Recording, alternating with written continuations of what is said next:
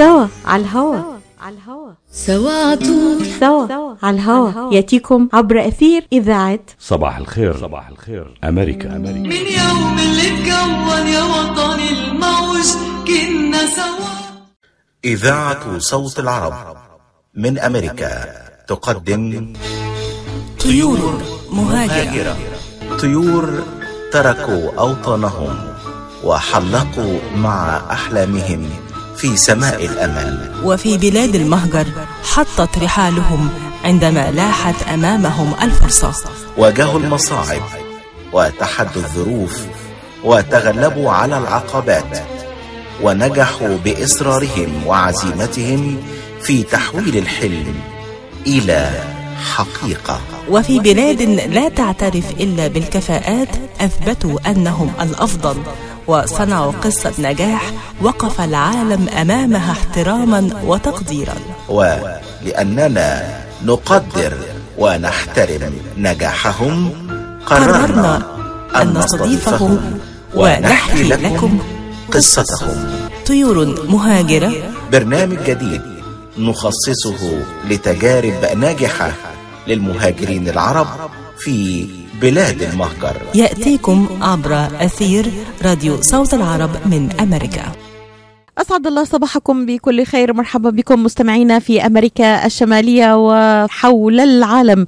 أهلا بكم في برنامج أمريكا بالعربي. طيور مهاجرة ولقاء خاص مع الدكتور عمر الرضا مستشار الطب النفسي والعلاقات الأسرية.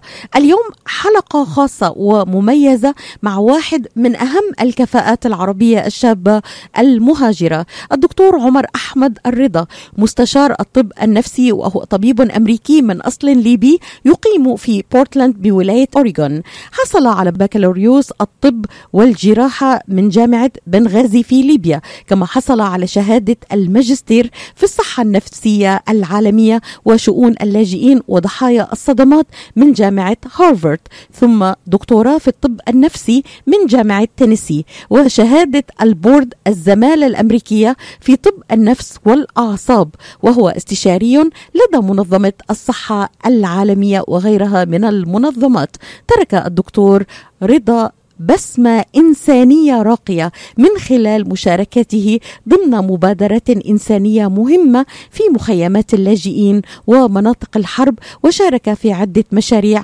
وبرامج تدريب تتعلق بهذا المجال في الولايات المتحدة الأمريكية وخارجها.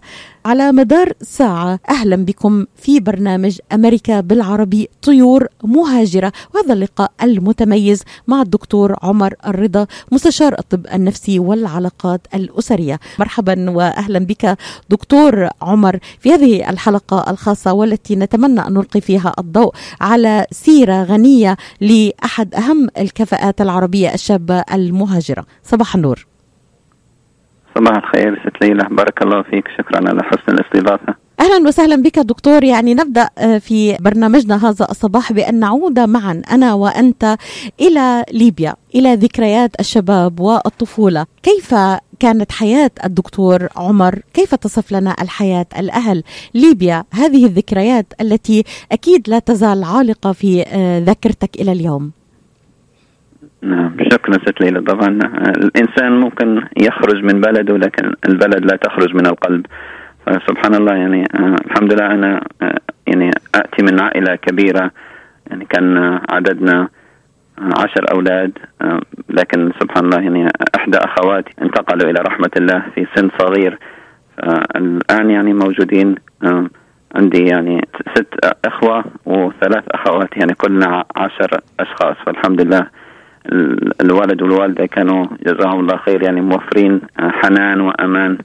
نفسي كبير لينا ونحن يعني أطفال صغار.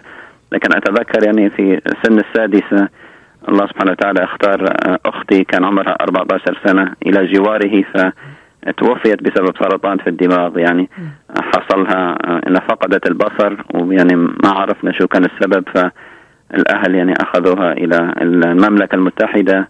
اتضح أن عندها ورم متأخر في الدماغ وتوفيت في سن صغير فكانت دائما يعني عندي رغبة أني أصبح طبيب جراح أعصاب حتى أساعد يعني اولياء الأمور اللي يعانون لما يكون أطفالهم عندهم مثلا مشاكل زي هذه. لكن قدر الله يعني صحيح أنا تفوقت في مجال دراسة الطب لكن كل ما أدخل لغرفة العمليات يعني يحصل لي إغماء. ما ما استطعت إني أتحمل الجراحة.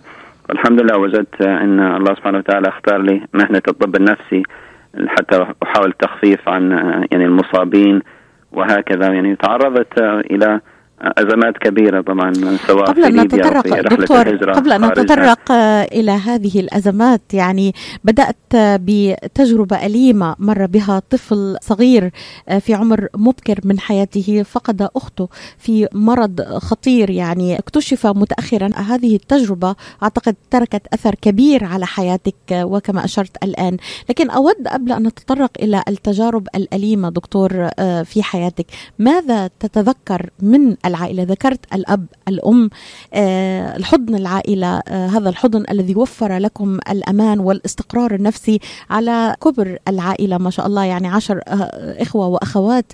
كيف تصف لنا الأجواء العائلية؟ الوالد الوالدة المناخ العام ليبيا بشكل عام في ذلك الوقت دكتور ومتى غادرت ليبيا؟ نعم يعني أنا طبعا عشت في ليبيا في السبعينات والثمانينات وخرجت من البلد مكرها. ليس باختياري عام 99 يعني اضطريت إلى أني أخرج كلاجئ سياسي وهكذا. لكن سبحان الله طبعا يعني كانت العلاقات الاجتماعية وكان الدفء المجتمعي شيء طيب. يعني العلاقات كانت متينة. كنا ندخل على الأقارب والجيران باستمرار. كان البيت دائما مليان بالضيوف. الحمد لله يعني أذكر أن الولد والوالدة كانوا شديدي الكرم. يعني دائما البيت مليان. بالأقارب وبالأحباب. فهذه كانت ذكريات رائعة يعني خصوصا في المناسبات والأعياد وليالي رمضان وهكذا. وهذه أمور نفتقدها نحن في الغربة. دكتور أعود معك إلى السبعينات والثمانينات. كيف كانت ليبيا في ذلك الوقت؟ يعني الظروف المجتمعية الظروف الإنسانية كيف كان يعيش المواطن الليبي؟ يعني قبل أن نتطرق معك في 99 وظروف آه، حياتك آه، التي أخرجتك كلاجئ سياسي. إذا في السبعينات والثمانينات كيف كان الوضع العام في ليبيا؟ آنذاك. نعم طبعا. يعني كانت الدراسة مجانا كانت الصحة مجانا. صحيح البلد كانت غنية لكن أغلب الشعب يعني كان يعاني. كانت يعني المطالب الأساسية من الصعب الحصول عليها. فتجدي دائما يعني كثرة الطوابير وقلة الإمكانيات و يعني سبحان الله لاحظت إنه مثلا الناس يحاولوا يتعاونوا مع بعض يعني حتى يخرجوا من هذه الأزمة المجتمعية. وهذا أمر يعني طيب في الثقافة الشرقية عندنا. ذلك التعاضد والتكافل الاجتماعي يعني أمر محمود لكن كانت يعني في فقر كان في فقر كثير فأنا الحمد لله دخلت في المجال الإنساني وهذا ما سبب أني يعني أخرج كلاجئ لأن يعني تم تمت وضع على اسمي يعني في قائمة معينة إنه عندي نشاطات يعني اجتماعية وخدمية كانت الإنسانية ممنوعة في ليبيا؟ أعتقد هذا الكلام على زمن الرئيس الراحل معمر القذافي صحيح دكتور؟ نعم أنا لا لا أذكر يعني إنه كان مثلا في شيء معين ممنوع من الناحية الإنسانية. كانت الأمور السياسية كانت ممنوعة الدخول في السياسة ومحاوله تحدي النظام وهكذا. وهذا لم يكن يعني مجالي أنا. كنت فقط يعني مهتم بالذهاب والإطمئنان على مثلا الأرامل على اليتامى. أحاول أن أساعد المحتاجين لكن بسبب أو لآخر يعني ممكن حدا ذكر اسمي ف تم وضعي في تلك القائمة. متى حصلت على شهادة الطب من جامعة بنغازي؟ دكتور بكالوريوس طب وجراحة من جامعة بنغازي ليبيا. متى حصلت على هذه الشهادة في أي عام؟ نعم 96 في ال 96 ومارست نشاطاتك كطب وبصماتك الإنسانية التي بدأت من ليبيا وعام 1999 اضطررت لتخرج كلاجئ سياسي. بعد أن يعني ورد ربما أحد التقارير بحقك أنك تقوم بنشاطات سياسية وهذا طبعا كما ذكرت غير دقيق وغير صحيح. إذا هل تركت البلاد كما أشرت مضطرا لتهاجر؟ تبدأ رحلتك مع الغربة والهجرة. نعم يعني في ال 96 طبعا تخصصت كطبيب طوارئ. يعني كان مجال محبب إلى قلبي. لكن لاحظت يعني حتى في يعني غرفة الطوارئ كنت يعني أهتم بالقضايا الاجتماعية والقضايا النفسية للزبائن يعني في في تلك الغرفة. لكن الحمد لله يعني لما رجعت يوم من الأيام في شهر سبعة عام 99 رجعت إلى البيت فوجدت الوالد يعني آه، هو يعني أتاه خبر أنه مثلا لازم أني أخرج من البلد وإلا يتم القبض علي بسبب نشاطاتي الاجتماعية.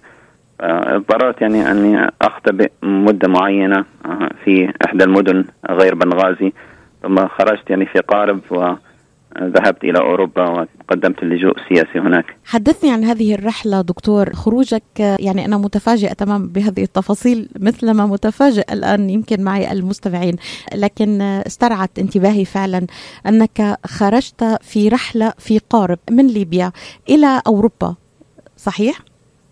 نعم.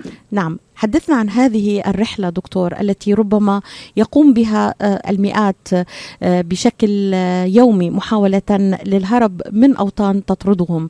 يعني كيف كانت هذه الرحلة؟ نعم هي طبعا للأسف أنه كثير من الشباب يذهب في تلك الرحلة. ليت أن ذلك الأمر لا يحصل. يعني ليت أن أوطاننا تتبنانا لأننا نحن يعني الحمد لله حتى في الغربة لا زالت قلوبنا مليئة بحب الوطن. لكن يعني لم يكن من القوارب المطاطية أو التي نرى فيها المهاجرين مثلا واللاجئين السوريين وغيرهم. كان يعني قارب كبير وذهبت إلى بلدة اسمها مالطا وهي يعني قريبة من ليبيا. حتى أقدم يعني في السفارة البريطانية. كان عندي بعض الأقارب في المملكة المتحدة. جلست في مالطا مدة 77 يوم يعني حتى حصلت على التأشيرة ثم يعني كان أمامي خيار إني إما مثلا آه، أفعل أشياء هي ضد عاداتي وتقاليدي ومثلا اعتقاداتي آه، الإيمانية آه، حتى أحصل على الجنسية البريطانية أو أنني أقدم لجوء سياسي. فدخلت في القرار الثاني يعني رغم أن يعني لم تكن عندي قضية سياسية لكن قدمت على أني لاجئ إنساني. فالحمد لله رب العالمين جلست مدة يعني في بريطانيا قبل أن آتي إلى الولايات المتحدة. قبل أن تأتي كان هذا في أي عام دكتور؟ جلست في بريطانيا بين 99 و 2002 جئت إلى أمريكا عام 2002 هل جئت أمريكا لاجئا سياسيا أيضا؟ أم حصلت على اللجوء السياسي في بريطانيا؟ لا هو تم رفض اللجوء السياسي في بريطانيا لأنه لم يكن هناك آثار تعذيب ولا يعني تأكيدات إنه النظام كان طالبني بالاسم. فحصلت على يعني لجوء إنساني مؤقت وذلك لا يسمح لك بالعمل ولا بالدراسة ولا بشيء من الامتيازات فالحمد لله يعني تعرفت على زوجتي وهي يعني مواطنة أمريكية من أصول ليبية لما كنت في المملكة المتحدة فدخلت أمريكا يعني كزوج يعني إذا فتحت الولايات المتحدة الأمريكية أبوابها للدكتور رضا في أي عام؟ نعم يعني تزوجنا عام 2001 ثم قدمت على الجنسية أو على التأشيرة لدخول أمريكا لكن حصلت أحداث سبتمبر نعم. فالحمد لله دخلت إلى أمريكا عام 2002 شهر فبراير يعني بعد مدة قصيرة بعد من مدة قصيرة سبتمبر. من أحداث سبتمبر لم تؤثر أحداث سبتمبر على حصولك على الجنسية لم تؤخرها دكتور في ذلك الوقت؟ على التأشيرة طبعا أنا أذكر أن القنصل يعني لما التقيت به قال لي يا ابني بهذه بهذا الحرف يعني. نعم. قال لي ماي سان يعني بلدي تغيرت كثيرا بعد أحداث سبتمبر. قال لي أنت كمسلم وعربي ستعاني كثير. واعتذر يعني شخصيا. قال لي I'm really sorry that you're gonna face discrimination. فسبحان الله كان يعني يتوقع ذلك. ويعني أنا رأيت بعض الصور القبيحة من الوجه الأمريكي. وكلنا يعني قبل أن نأتي إلى أمريكا نظن أن بلد الفرص والامتيازات والأحلام لكن كانت يعني كان لها وجه قبيح عام 2002 ماذا عانيت دكتور من ذلك الوجه ربما الذي آه، كان في ذلك الفترة بسبب آه، الأحداث المؤسفة التي حصلت في 2011 آه، سبتمبر والمتزامنة تقريبا مع حديثنا اليوم يعني كان من فترة بسيطة 2000 صادفت ذكرى أحداث سبتمبر المؤسفة والتي غيرت وجه العالم ليس فقط هنا الولايات المتحدة الأمريكية. ماذا واجهت دكتور في هذه الفترة؟ فترة آه، برأيك من صورة عززت آه، لديك ربما آه، وقتها هذه هذه النظرة المؤسفة لأمريكا الجميلة أمريكا الحلم أمريكا بلد المهاجرين بلد ال- التي تفتح ذراعيها لكل الكفاءات من كل أقطار العالم. نعم طبعا بشكل عام الصورة كانت إيجابية لكن طبعا مثلا تأخر الحصول على ال green card هذا كارت الإقامة الدائمة. آه، وكذلك يعني ال- البعض مثلا يذكر ألقاب معينة يقول لك مثلا أين الجمل؟ Where is your camel? Or كيف حال أسامة بن لادن؟ وأشياء يعني يعني ليس لها أي معنى. لما أذهب مع زوجتي مثلا آه، وهي تلبس الحجاب نتعرض إلى بعض الكراهية العنصرية. لما مثلا اشتريت سيارة بعد مدة قصيرة طلب مني ذلك المحل أن أرجع السيارة وقالوا لأننا لا نتعامل مع إرهابيين. يعني كانت ثقافة مؤسفة بعض الأحيان. طبعا بصورة عامة كان المجتمع الأمريكي كما ذكرت يعني مجتمع متقبل ومجتمع مبني على الهجرة. لكن ألا نعزو هذا الذي صادفك وصادف العديد من العرب الأمريكيين في ذلك الوقت وإلى هذا اليوم. هناك نشهد ملف العنصرية هو الأكثر تداولا حتى في يومنا هذا دكتور رضا.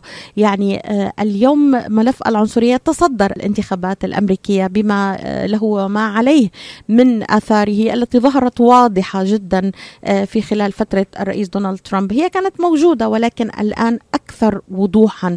هل ترى أننا جزء من هذه الصورة كعرب أمريكيين لم نساهم في تصحيحها بشكل ما؟ نعم يعني أنا أعتقد طبعا وخصوصا لما تخصصت في مجال الطب النفسي أن الإنسان يعني إذا تعرض لخطر أو تهديد قد يحصل له نكوص عمري. النكوص العمري تحصل تصرفات يعني تبدو كطفولية أو تصرفات غير لائقة. سواء على مستوى شخصي أو عائلي أو مجتمعي. من ناحية مثلا الشخصية قد يتعرض الطفل الذي تعرض إلى الصدمة إلى نقوص عمري يبديه عن طريق مثلا قضم الأظافر أو مص الأصابع أو التبول في الفراش أو محاولة النوم مع ولي الأمر.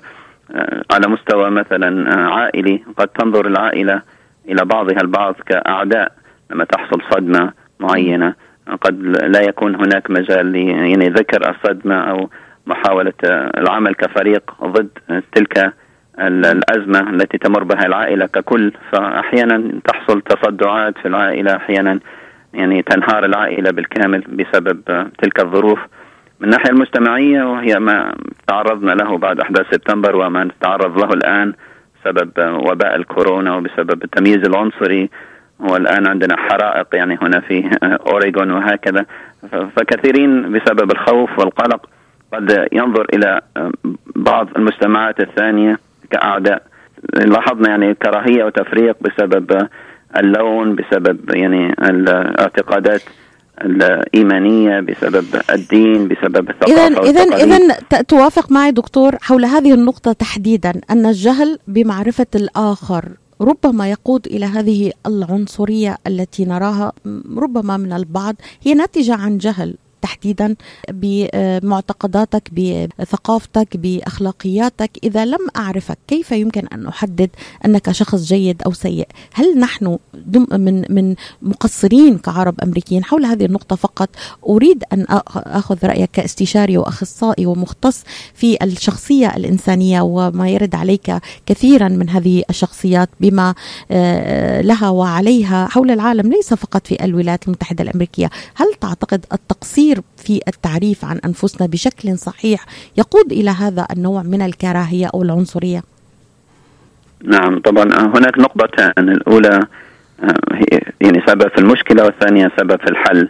يعني سبب المشكلة ليس- فقط الجهل إنه يعني الجهل الآن لا يعذر. يعني العالم كله أصبح قرية صغيرة.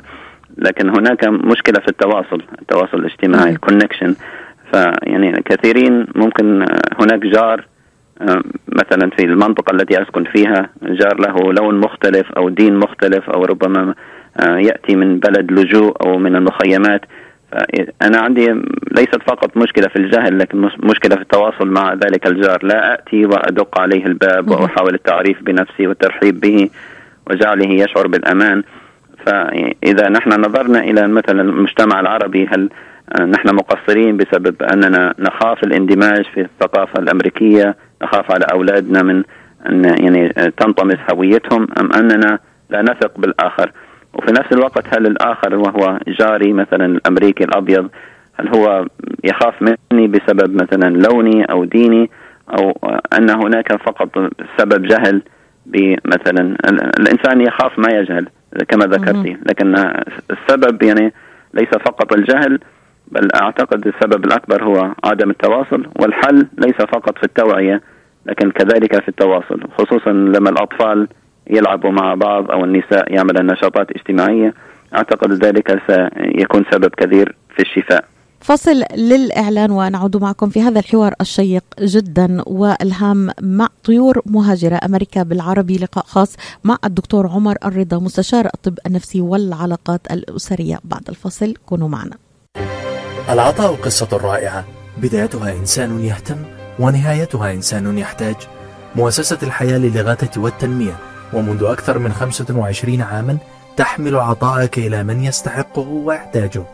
بغض النظر عن الجنس أو العرق أو الدين فأينما تكون الحاجة تجد الحياة تقدم المساعدة الطبية والملاجئ وبناء المدارس والأوار الارتوازية وبرامج كفالة عوائل اللاجئين والأيتام وغيرها حسب الحاجة.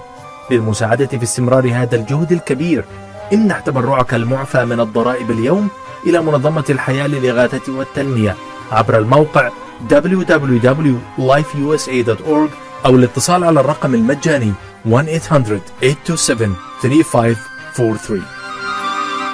مركز طب رهاب للعلاج الطبيعي بإدارة الدكتور محمد فرح حسين. أخصائي العلاج الطبيعي بخبرة أكثر من 13 عاما.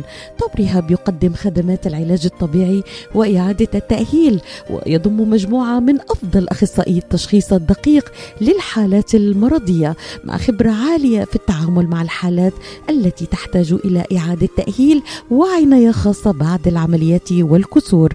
طب رهاب يستقبل كل الحالات المتعلقة بألم الرقبة، الظهر، المفاصل، شلل الوجه، الانزلاق الغضروفي، عرق النساء، الحوادث وإصابات العمل. خبيرات في المعالجة النسائية لخصوصيه تامه للسيدات. عندما تبحثون عن رعاية متميزة اقصدوا توب ريهاب للعلاج الطبيعي الواقع على 15001 ميشيغان افنيو وللمواعيد اتصلوا على 313 846 0555 that's 846 0555 طيور مهاجرة. برنامج جديد نخصصه لتجارب ناجحة للمهاجرين العرب في بلاد المهجر. يأتيكم عبر أثير راديو صوت العرب من أمريكا. مرحبا بكم مستمعينا في أمريكا الشمالية وحول العالم. أهلا بكم في حلقتنا الأولى أمريكا بالعربي طيور مهاجرة. لقاء خاص يجمعنا هذا الصباح مع الدكتور عمر الرضا مستشار الطب النفسي والعلاقات الأسرية. دكتور قبل الفصل ذكرت لي الإنسان يخاف ما يجهل. أننا التواصل برأيك هو الحل لأن يكون هناك تخفيف للعنصرية الموجودة بيننا. كلنا عنصريون بشكل ما. هل تتفق معي أننا كلنا عنصريون بشكل ما؟ يعني كلنا متعصبون بشكل ما؟ نعم الإنسان طبعا يعني هو البرودكت يعني يكون هو الإنسان نتاج لثقافته وتربيته وطفولته والأحداث التي مرت به. طبعا نحن نعاني كلنا من النظر إلى شخص مختلف عنا بسبب جهل أو بسبب سوء فهم أو بسبب أن عندنا وصمة عار معينة تجاه تلك الشريحة. ننظر اليهم مثلا باستغراب أو بدونية. فأتفق معك إن كثيرين منا لديهم يعني بعض العنصرية. دكتور يعني وصلت إلى الولايات المتحدة الأمريكية حصلت على بكالوريوس الطب والجراحة من جامعة بنغازي في ليبيا حصلت على شهادة الماجستير في الطب في الصحة النفسية العالمية وشؤون اللاجئين وضحايا الصدمات من جامعة هارفارد كان هذا أي عام؟ عام 2006 في عام 2006 ثم دكتوراه في الطب النفسي من جامعة تينيسي وشهادة ال board الزمالة الأمريكية في طب النفس والأعصاب كان هذا في أي عام أيضا؟ أنا أتممت يعني جامعة تنسي في 2009 ثم حصلت على ال board في عام 2011 وأنت أيضا استشاري لدى منظمة الصحة العالمية وغيرها من المنظمات. آه، تكلمت في بداية آه، تعريفي عنك دكتور عن البصمة الإنسانية الراقية من خلال مشاركاتك ضمن مبادرات إنسانية مهمة آه، في مخيمات اللاجئين ومناطق الحرب وشاركت في عدة مشاريع وبرامج تدريب تتعلق في هذا المجال في الولايات المتحدة الأمريكية وخارجها. قبل أن نتطرق إلى هذه النقطة أود أن نتوقف عند العائلة عائلة الدكتور رضا. ذكرت أن زوجتك هي أمريكية آه، تقيم معها آه، منذ دخولك الولايات المتحدة الأمريكية. كم عندك أولاد دكتور؟ الله يخلي لك إياهم. نعم طبعا. نورة هي من أصول ليبية لكن من عام 77 هي أسرتها مقيمين في الولايات المتحدة بسبب ظروف معينة. نفس الشيء طبعا كان والدها لاجئ سياسي وهكذا. فالحمد لله يعني الله سبحانه وتعالى رزقني بثلاث بنات إلى الآن. الله يخلي لك ياهن دكتور في أي أعمار البنات؟ آه، رابحة الآن عمرها 16 خديجة عمرها 14 وفاطمة عمرها 11 دكتور قد إيه بيختلف التوافق الأسري بين الزوج والزوجة في أن آه، يكون نتاج الأطفال مستقر وهادئ والبيت بيكون سعيد في أسرته؟ قد إيه التوافق في الأسرة والدفء الداخلي اللي حصلت عليه أنت في عائلتك في ليبيا وعائلتك الصغيرة هنا في الولايات المتحدة الأمريكية؟ قد إيه هذا مهم وأنت تتحدث إلى الجاليات العربية الأمريكية الآن ونمر ما نمر به ونسمع كل يوم عن حوادث طلاق الطلاق عنف أسري مشاكل نفسية وأسرية قضايا الطلاق تتصدر الآن الولايات المتحدة الأمريكية. ليس هذا فقط ولكن أيضا عنف أسري كبير نخفيه أحيانا كثيرة ليكون الناتج كارثي على الأطفال وعلى العائلة. نعم. يحتاج طبعا أطفالنا إلى شيئين أساسيين لنموهم السليم النمو النفسي النمو الروحاني. هذين الشيئين هو آه، أن يؤمنوا أن العالم مكان آمن وأن يؤمنوا أن البالغين يمكن الوثوق بهم لتلبية احتياجاتهم الأساسية. فإذا كان العالم مكانا آمنا سواء بسبب أن هناك وباء أو بسبب أن هناك عنصرية أو بسبب أن هناك عنف منزلي وعدم توافق بين الأب والأم فقد ينشأ الطفل مشوها ومشوشا من ناحية الشعور بالأمان. وطبعا الطفل الذي لا يشعر بالأمان قد تبدو منه تصرفات غير آمنة مثل مثلا الكلام البذيء أو يعني إيذاء النفس أو إيذاء الغير ومحاولة مثلا يعني أن يجذب الانتباه إليه عن طريق تصرفات غير سليمة.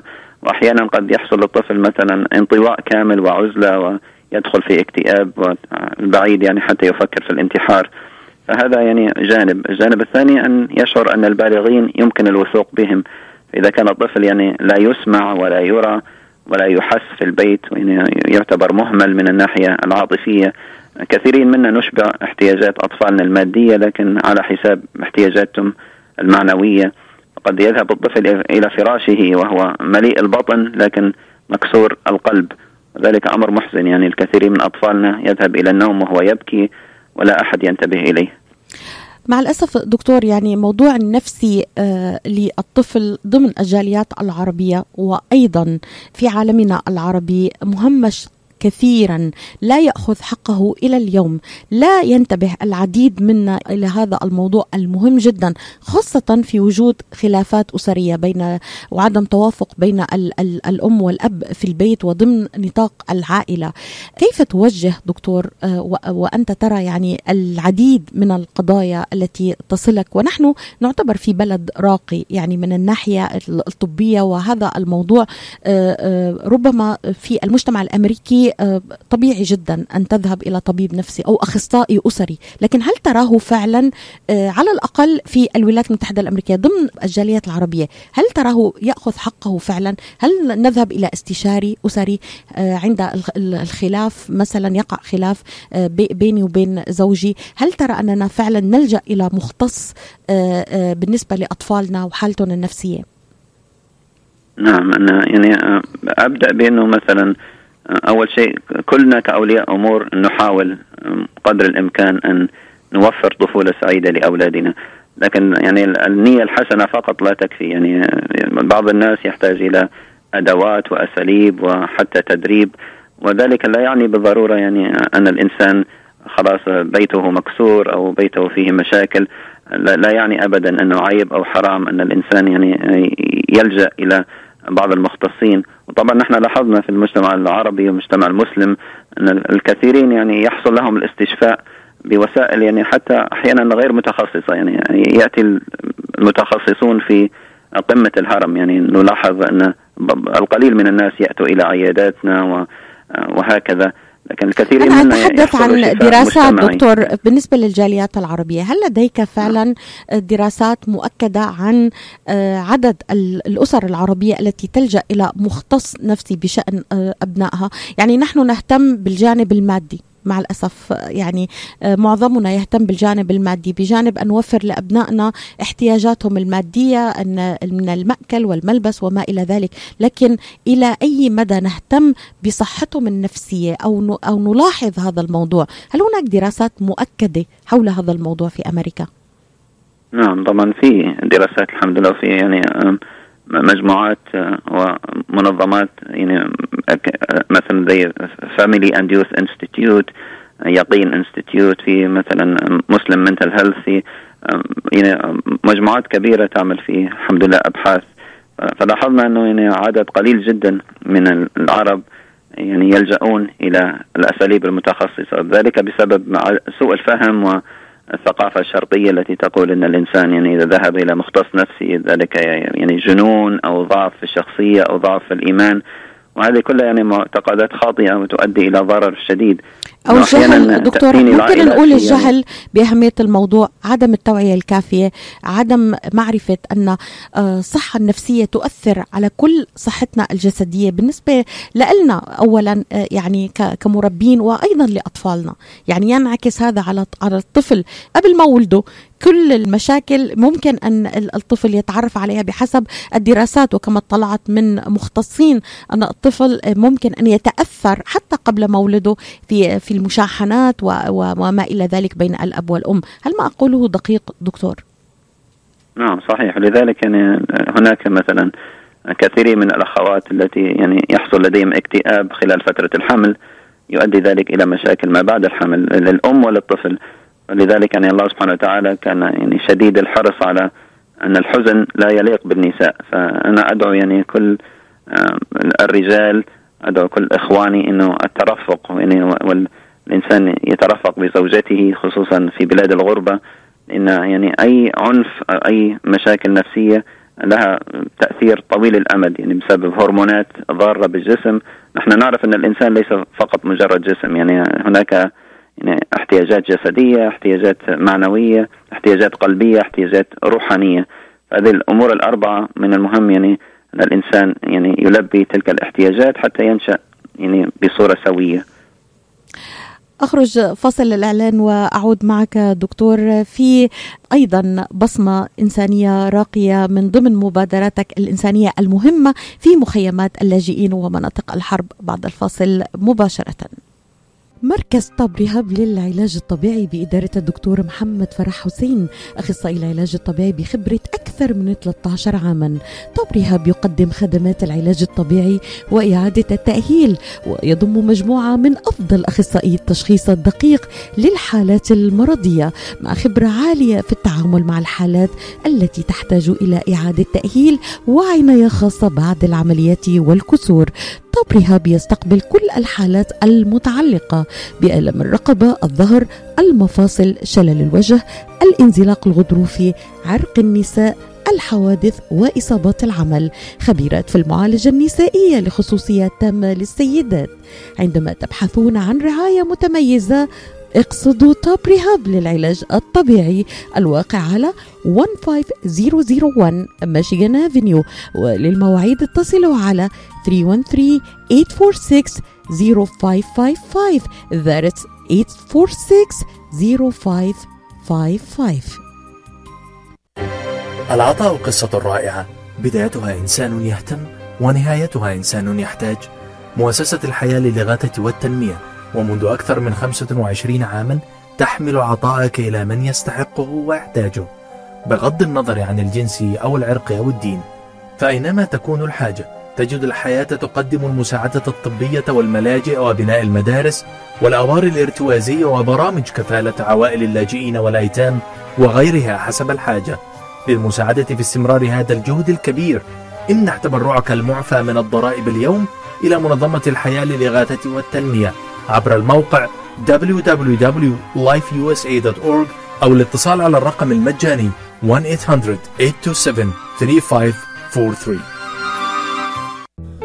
طيور مهاجرة. برنامج جديد نخصصه لتجارب ناجحة للمهاجرين العرب في بلاد المهجر. يأتيكم عبر أثير راديو صوت العرب من أمريكا. مرحبا بكم مستمعينا في أمريكا الشمالية وحول العالم وهذا الحوار الهام مع طير مهاجر أمريكا بالعربي ولقاء خاص مع الدكتور عمر رضا مستشار الطب النفسي والعلاقات الأسرية. حلقة خاصة ومميزة مع أهم الكفاءات العربية الشابه المهاجره الدكتور عمر أحمد الرضا مستشار الطب النفسي وهو طبيب أمريكي من أصل ليبي يقيم في ولاية أوريغون. قبل الفاصل دكتور سألتك عن مبادراتك الإنسانية المهمة في مخيمات اللاجئين ومناطق الحرب العديد من متابعينا ومستمعينا ربما شاهدوا مآسي وويلات الحرب في سوريا في اليمن في فلسطين وفي مخيمات اللاجئين والفقر في السودان وما أكثر ويلات الحروب وتأثيرها على الأطفال وعلى النساء وعلى النازحين واللاجئين. لكن من تعامل معهم دكتور بشكل مباشر يمكن يمكن أن يصف هذه الصورة بطريقة أقرب وأصدق إلى المتابع. نعم يعني الحمد لله الله سبحانه وتعالى شرفني أني يعني أذهب وأساعد سواء في ليبيا أو في سوريا أو في بنغلاديش وهكذا وإن شاء الله الله ييسر لي رحلة إلى اليمن ويعني كل منطقة تعاني يا رب العالمين. لكن يعني لاحظت أنه فقط ليس التركيز على الجانب السلبي نحن نعرف أن هناك قنابل ومآسي وبراميل يعني ذبح ويعني سبحان الله عنف شديد. لكن أنا لاحظت أنه الحمد لله هناك كذلك صلابة ومرونة نفسية. هناك تركيز على الجانب الروحاني هناك تركيز على الشفاء المجتمعي. فالحمد لله ركزت يعني مع الأطفال خصوصا على العلاج باللعب والعلاج بالفن ومحاولة أني يعني أرفع كفاءة المختصين المهنيين المحليين. نحاول زيادة التثقيف المجتمعي آه، خلق مساحات آمنة مصادر مجتمعية تكون يعني آه، تحترم الدين والعادات والتقاليد والخصوصية آه، المجتمعية لذلك المخيم مثلا أو تلك المنطقة. ثم يعني عدد قليل من الناس قد يحتاج إلى خدمات استشفائية متخصصة سواء يعني علاج كلامي أو علاج دوائي. طبعا ذهبت متطوعا دكتور وأسست مشروع ليبيا الشفاء وسوريا الشفاء لإعادة التأهيل النفسي للناجين من الحرب وأيضا هذا البرنامج متخصص في العلاج باللعب والفن مع الناجين من الصدمة. أي المخيمات زرتها وهل هناك عدد كاف من الأطباء الذين يقومون بتطوع؟ يعني أنا أعرف كثير من الأطباء من مختلف الجنسيات قد تطوعوا وذهبوا لكن هل ترى أن المشكلة مشكلة وحجمها كبير جدا لدرجة أننا نحتاج أكثر كفاءات وخبرات للتوجه إلى هذه المناطق ومساعدة أطفالنا لأن يعودوا قدر المستطاع إلى حياتهم الطبيعية. نعم طبعا سبحان الله. نحن نعرف أنه ليس بالضرورة أن فقط الأطباء يكونوا في تلك المخيمات. هناك الكثيرين من الزملاء من مجالات مختلفة يقوموا بأعمال رائعة يعني فطاء. هناك طواقم على الأرض تقوم بأشياء يعني, يعني أسأل الله سبحانه وتعالى أن يجازيهم خير الجزاء. لكن يعني الم... ذهبت إلى ليبيا لأن بلدي الأم يعني أكثر من ست مرات أعتقد سبع مرات آه، سواء إلى مدن أو إلى مخيمات يعني سواء إلى مناطق نزاع كانت تحت أو ضد يعني سيطرة النظام السابق. فأنا يعني قررت أنه أكون جزءا من الحل وليس فقط جزء من المشكلة. لا أتدخل في الأمور السياسية. هناك جراح على جانبي الصراع. أنا يعني أحاول أن أقدم بعض الشفاء عن طريق يعني زيادة التوعية وزيادة كفاءة المختصين وهكذا. في سوريا ذهبت إلى مخيم اسمه كلس على الحدود بين حلب وتركيا. وكذلك في بنغلاديش ذهبت إلى كوكس بازار. وهي يعني منطقة يوجد فيها 900 ألف من اللاجئين الروهينجا المسلمين اللي هربوا من بورما. الحمد لله يعني لاحظت أنه من المهم جدا تقديم بعض الأمان وبعض الروتين أو يعني محاولة زرع نظام للأطفال حتى يعني ممكن عودتهم إلى المدارس عودتهم إلى الأمان المؤقت أو الأمان يعني النسبي. لأن سبحان الله يعني في ظروف الحرب خصوصا في الصفوف الأمامية إذا كانت هناك يعني قتال وهناك يعني ميليشيات وهناك أطراف متنازعة عادة الأطفال هم الذين يدفعون الثمن. دكتور رضا يعني ما هي أهم المشاكل التي لاحظتها آه، تحتاج إلى لفت الانتباه بالنسبة لأطفال سوريا بالنسبة للاجئين بالعموم السوريين وأيضا الروهينجا آه، الذين فروا من ويلات الحرب والاستهداف. طبعا وهي كثيرة مآسي الحرب كثيرة وتعرف أنها تلقي بظلالها القاتمة على أضعف شريحة هي الأطفال والنساء المستضعفين الذين خرجوا لا حول ولا قوة سوى هربا من ويلات الحرب. إذا ما هي أهم مشاهداتك كطبيب نفسي؟ نعم يعني في منطقة مثلا كوكس بازار في القضية البورمية. الإخوة الروهنجن يعني لما ذكروا أنه أهم شيء يحتاجونه هو هوية إن تم طمس هويتهم. يعني لا توجد لديهم أوراق تثبت أنهم يعني ينتمون إلى عالم الإنسانية. يتمنون يعني الحصول على هوية على أوراق إثبات. من ناحية الأطفال في سوريا يعني آه، الوضع طبعا شديد التأزم كما نعرف. آه، الشعور بالأمان هو ما, ما ينقصهم. طبعا الحاجات الأساسية من المهم التركيز عليها. طبعا الإنسان لن يشعر بالأمان النفسي إذا كان جائعا إذا كان خائفا. فتوفير الاحتياجات الأساسية المادية أمر مهم جدا وهو ما ينقص الكثير من إخواننا وأخواتنا. الوضع الليبي طبعا يعني كانت هناك القليل من المخيمات و التهجير يعني حصل أغلبه تهجير داخلي وليس خارجي. صحيح هناك من فر إلى مصر أو إلى تونس هناك من خرج يعني بقوارب إلى أوروبا. لكن أغلب يعني الأعمال التي قمت بها كانت داخل المدن داخل القرى وليست مخيمات بتلك المعنى. دكتور ذكرت في بداية حواري معك نبذ الكراهية والتطرف وأشرت إلى حلول ربما تكون من أهمها التقارب المجتمعي، أنت متعاون في مجال إقامة حوارات لتقريب وجهات النظر وفض النزاعات ونبذ الكراهية ومؤسس مشروع الترابط الأسري والمجتمعي، حدثني عن هذه المشاريع من فضلك. نعم الحمد لله. يعني الله سبحانه وتعالى أنعم علي أنه يعني كنت يعني داخل في مشاريع كثيرة. يعني بدأت آه، بالحرب في ليبيا. فهناك برنامج اسمه انتانجلد كان مشروع كبير للترابط الأسري. لاحظت يعني آثار الحرب والصدمات على آه، النظام الأسري والنظام المجتمعي. فالحمد لله ركزت بشكل كبير على تقوية آه، الترابط الأسري عن طريق إقامة مثلا ورش عمل وبرامج توعية للتركيز على العلاقة بين أولياء الأمور وأبنائهم العلاقة بين الزوج وزوجته. علاقتنا يعني كأفراد مجتمع مع بعضنا البعض والنظر في حاجات الآخرين وقضاء المصالح وجبر الخواطر.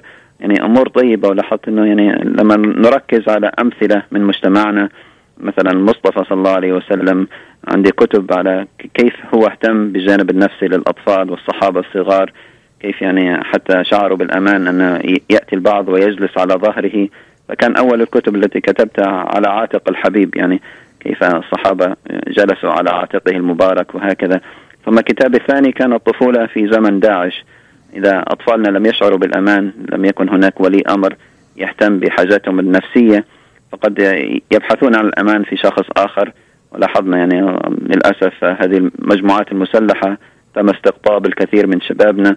طبعا أنا عندي مشكلة كبيرة مع داعش لأنه قتلوا يعني ابن أختي الله يرحمه عام 2014 لكن سبحان الله يعني لاحظت إنه من المهم بالنسبة لي أن أركز على آه، أن أنظر إلى الأولاد كجزء من الحل وليس فقط جزء من المشكلة آه، أنظر إلى ما الذي يجذبهم إلى تلك التيارات المنحرفة والمتطرفة ثم نملأ ذلك الفراغ العاطفي. يعني استوقفني موضوع قتل ابن أختك من قبل داعش، هل استهدف من قبل داعش دكتور أو أنهم استقطبوه كشاب صغير يعني؟ لا طبعا هو مدينة بنغازي يعني عام 2014 كانت تحت قبضة شديدة من يعني عصابات مسلحة كثيرة. المنطقة اللي كانت ساكنة فيها أختي منطقة الصابري كانت تحت سيطرة داعش. فيعني كانوا هم محبوسين في البيت مدة أيام لكن هو عنده طفلة صغيرة عمرها عام واحد فقط وكانت جائعة وتبحث عن الحليب فاضطر أن يخرج يعني ليس له أي علاقات يعني مع أي مجموعة. تم القبض عليه وللأسف تم تصفيته. جريمته الوحيدة أنه يبحث, خرج يبحث عن أكل لأولاده. آه مع الأسف يعني دكتور آه هذه الجماعات المتطرفة لا أعرف يعني هذا الفكر الذي كتبت عنه في الطفولة في زمن داعش. ما الذي يدفع آه أبنائنا دكتور؟ وقد شاهدنا انضمام عدد من أبناء العرب إلى هذه الجماعات المتطرفة وأيضا حتى أمريكان يعني آه انضموا إلى هذه الجماعات المتطرفة. بماذا تفسر يعني هذا الانضمام لهذا الفكر الداعشي المجرم؟ نعم هناك كثير من الأسباب. أغلبها يعني تأتي من وجود فراغ عاطفي سواء بسبب الأسرة أو بسبب عدم تقبل المجتمع لمثلا ذلك الشخص أو بسبب عدم توفيق في الجانب الأكاديمي بسبب أنه هناك من أمراض نفسية لم يتم اكتشافها. هناك أسباب كثيرة طبعا ونحن للأسف يعني سواء مجتمع عربي مجتمع مسلم لم, لم نقدم يعني هويتنا بشكل محبب وجذاب فهناك اختيارات أكثر جاذبية للشباب سواء يعني أفكار منحرفة أو أفكار يعني تؤدي بهم إلى مواقع سيئة فاغلب أغلب الانجذاب يأتي بسبب يعني وجود فراغ معين لم يتم ملئه منا كأسرة أو كمجتمع. لفت نظري دكتور أننا لم نقدم هويتنا. دعني أتحدث عني كوني مسلمة. هل تعتقد أن هناك تقصيرا لدى ربما الدعاة في أن يقدموا الإسلام بشكله الصحيح إلى أبنائنا؟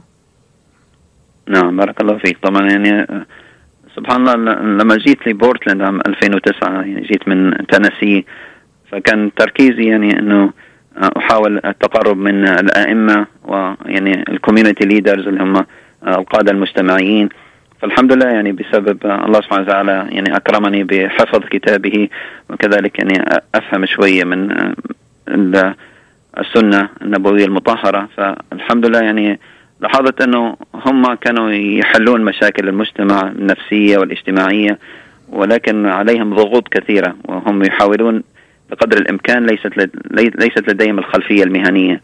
فعندما حصلوا على طبيب مثلا مسلم وعربي ويحفظ القرآن ويعني يركز على مثال الرسول عليه الصلاة والسلام الحمد لله أعطوني يعني مساحة كبيرة. يعني أخطب مثلا في صلاة الجمعة.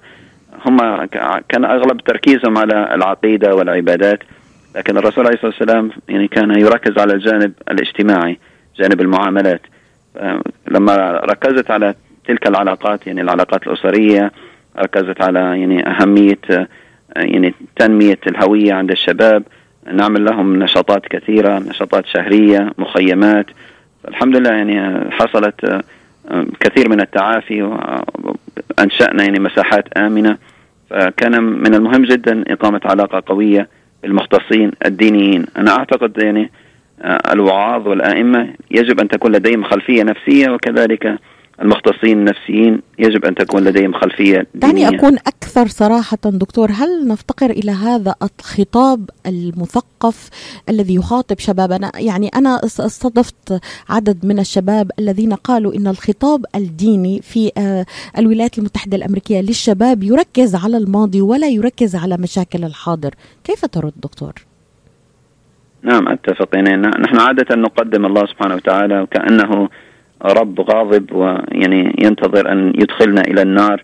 لا نحكي على الجنة ولا نحكي على الأمور الجميلة والعلاقات اللطيفة وعلى أن الإسلام لديه مساحة من المرح ولا نركز على ذلك الجانب. وفي نفس الوقت يعني أتفق مع الشباب أنه يعني هناك عادة تركيز على الماضي. ماضينا كان ماضيا يعني مشرفا. لكن الإنسان الآن ابن اليوم. نحن ماذا نفعل اليوم حتى نكون مواكبين لركب الحضارة. كنا قادة في السابق لكن الآن للأسف نحن في آخر القطيع يعني. في آخر الأمم.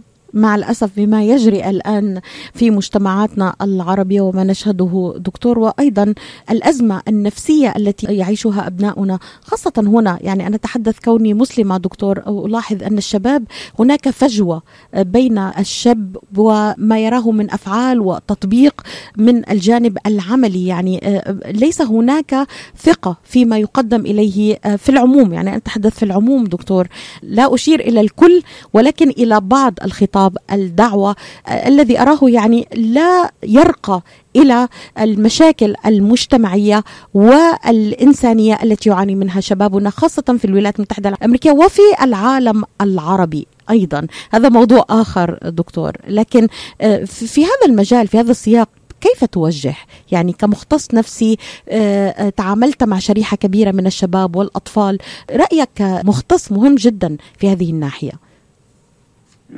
طبعا أتفق معك أن كثيرين هم يحاولون أن يحصلوا على الحلم الأمريكي. الحلم الأمريكي يظنون أنه مجرد إشباع الحاجات المادية لدي بيت لدي سيارة وظيفة أولادي يذهبون إلى أرقى الجامعات. لكن الحلم الأمريكي هو العائلة. يعني أنا دائما أقول don't يعني lose the American dream chasing the American dream. إذا كانك أنت فقدت أسرتك فذلك يعني أنك فقدت الحلم الأمريكي. ليس فقط يعني الأمور المادية ما يحتاجها أطفالنا يحتاجون إلى إشباع حاجاتهم العاطفية كذلك. سبحان الله هناك يعني صورة قصيرة في القرآن وهي يعني تحكي عن فليعبدوا رب هذا البيت الذي أطعمهم من جوع وآمنهم من خوف. يعني الله سبحانه وتعالى امتن على قريش أنه ستصبحون يعني قادرين على عبادة الله حق عبادته إذا حصل أمرين. الإشباع المادي والإشباع المعنوي. يعني أطعمهم من جوع وآمنهم من خوف. فإذا الإنسان يعني حاجاته المادية ثم حاجاته العاطفية مشبعة سيصبح بحق خليفة الله في أرضه وقادر على أن يصل إلى أقصى إمكانياته. بالأسرة ابتدأنا وبالأسرة آه، ننهي حوارنا دكتور. يعني ليس هناك حياة زوجية خالية من المنغصات والمشكلات بأنواعها. كافة أنت تحدثت الآن عن جملة استوقفتني. الحلم ليس هو الحلم المادي الحلم الأمريكي وإنما هو العائلة واستقرارها. على قدر تفهم طرفي العلاقة الأسرية لطبيعة الحياة ممكن أن نتلاشى الهفوات وتذوب في بحر الألفة والمحبة. كيف يمكن أن نؤسس دكتور إلى هذه الألفة والمحبة في عائلتنا الصغيرة هنا ضمن مجتمع أكبر نعيش فيه سواء في أمريكا سواء في العالم في أي بقعة من بقاع الأرض. ما هي السعادة الزوجية بتعريفك كمختص؟ كيف نؤسس لهذه السعادة؟ نعم أنا يعني عاوز أقول يعني أنه أحيانا قد يأتي شفاء متأخرا وذلك أفضل من أن لا يأتي بالمرة. إذا كان يعني بيتك ليس آمنا اليوم فابدأ من اليوم تأسيس ذلك الأمان الزوجي. والله سبحانه وتعالى ذكر أنه الزواج يعني ميثاق غليظ آه، الميثاق الغليظ يعني مبني على المودة والرحمة وجعل لكم من أنفسكم أزواجا لتسكنوا إليها. السكينة أمر مهم بين الزوجين وذلك يأتي بأساليب بسيطة. يعني يعني أذكر بيت من الشعر قد نختم به يقول نظرة فابتسامة فسلام فكلام فموعد فلقاء. هذه الفنيات الستة قد يعني نستعملها لتقوية العلاقات الأسرية. فيحصل تواصل بصري بيني وبين من أحب وأكثر من الابتسام والسلام والكلام الكلام المحترم. وكذلك قضاء وقت عائلي حتى أطمئن على أحوال أسرتي خصوصا أحوالهم النفسية والعاطفية. سعدت جدا بهذا اللقاء الخاص معك دكتور عمر الرضا مستشار الطب النفسي والعلاقات الأسرية وبكورة برنامجنا أمريكا بالعربي. طيور مهاجرة. آه هذا الحوار الثري جدا. أتمنى أن نتابعه معك دكتور في حلقات خاصة. نغطي فيها الناحية النفسية آه للمجتمع والمهمة جدا. يعني من كل النواحي عندما تصح الحالة النفسية يصح الجسد تصح العلاقات الإنسانية والمجتمعية. إلى أي مدى دكتور في عجالة في دقيقة من فضلك؟ ترى أن الطب النفسي الأسري يمكن أن يعالج الكثير من المشكلات الحيوية التي تحدث في محيط الأسرة. نعم أعتقد أن ذلك أمر مهم فأنا أحاول أني أدعو الجميع إلى يعني زيادة الوعي بذلك الجانب لأن الإنسان يعني ليس فقط جسد بل هناك روح وهناك قلب وهناك عقل من المهم الاهتمام بهذه الجوانب كلها وذلك ليس عيبا وليس حراما بل من المهم الآن من أجل بناء مستقبل أفضل وأجمل وأكثر اشراقا لأولادنا أن نبدأ منذ اليوم آه، إنه نركز على احتياجاتهم المعنوية. وأفضل شيء أن الإنسان يعمل لأولاده أن يهتم بأمهم. العلاقة بين الزوج والزوجة أمر مهم جدا. الدكتور عمر الرضا مستشار الطب النفسي والعلاقات الأسرية أشكرك جزيل الشكر. كنت معنا في حلقتنا الأولى أمريكا بالعربي طيور مهاجرة مباشرة من ولاية أوريغون. أتمنى لك نهار سعيد وشكرا على هذا اللقاء الثري. بارك الله فيك ليلى. إلى اللقاء مستمعينا في حلقات قادمة هذه الليلة. الحسيني تحييكم. شكرا لكل من تابعني. هذا الصباح إلى اللقاء.